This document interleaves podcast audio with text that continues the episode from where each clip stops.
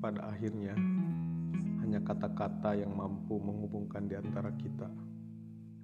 Meski hanya sebatas cerita-cerita yang tertuang dalam tulisan atau sekedar ucapan seseorang. Pertemuan adalah kegiatan yang amat dirindukan kelak nanti. Rasa penyesalan pun berjatuhan. Kenapa dahulu tak memanfaatkan momen kebersamaan bersama sahabat dan kawan-kawan?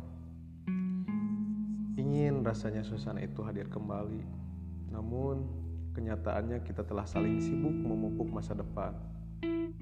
Jadi teringat cuitan lagu Iwan Fals yang judulnya Ujung Aspal Pondok Gede. Kata-katanya seperti ini. Satu persatu sahabat pergi dan takkan pernah kembali. Ya, refleksi lagu itu bagiku tak hanya raganya yang pergi, jiwanya pun hilang bersama waktu bagaikan sekeluarga yang hendak berlayar pulang kampung, namun tak disangka kapalnya tenggelam karam, yang kemudian semuanya hilang tak berjasad, hanya kabar duka saja yang menepi. Kemudian ada lagu Opik, mungkin begini liriknya. Bila waktu telah memanggil, teman sejati hanyalah amal.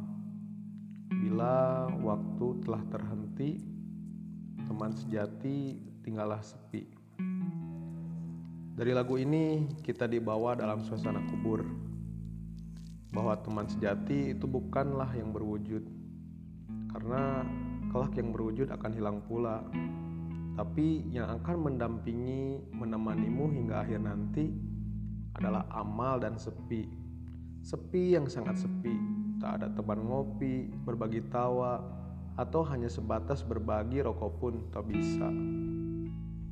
Pesan terakhirku, manfaatkanlah waktu bersama sahabat dan kawan-kawanmu.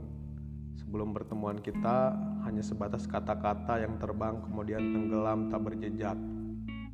Sudahi rasa benci antar sesama, karena penyesalan tak bisa disesali saat kita tak sadar diri.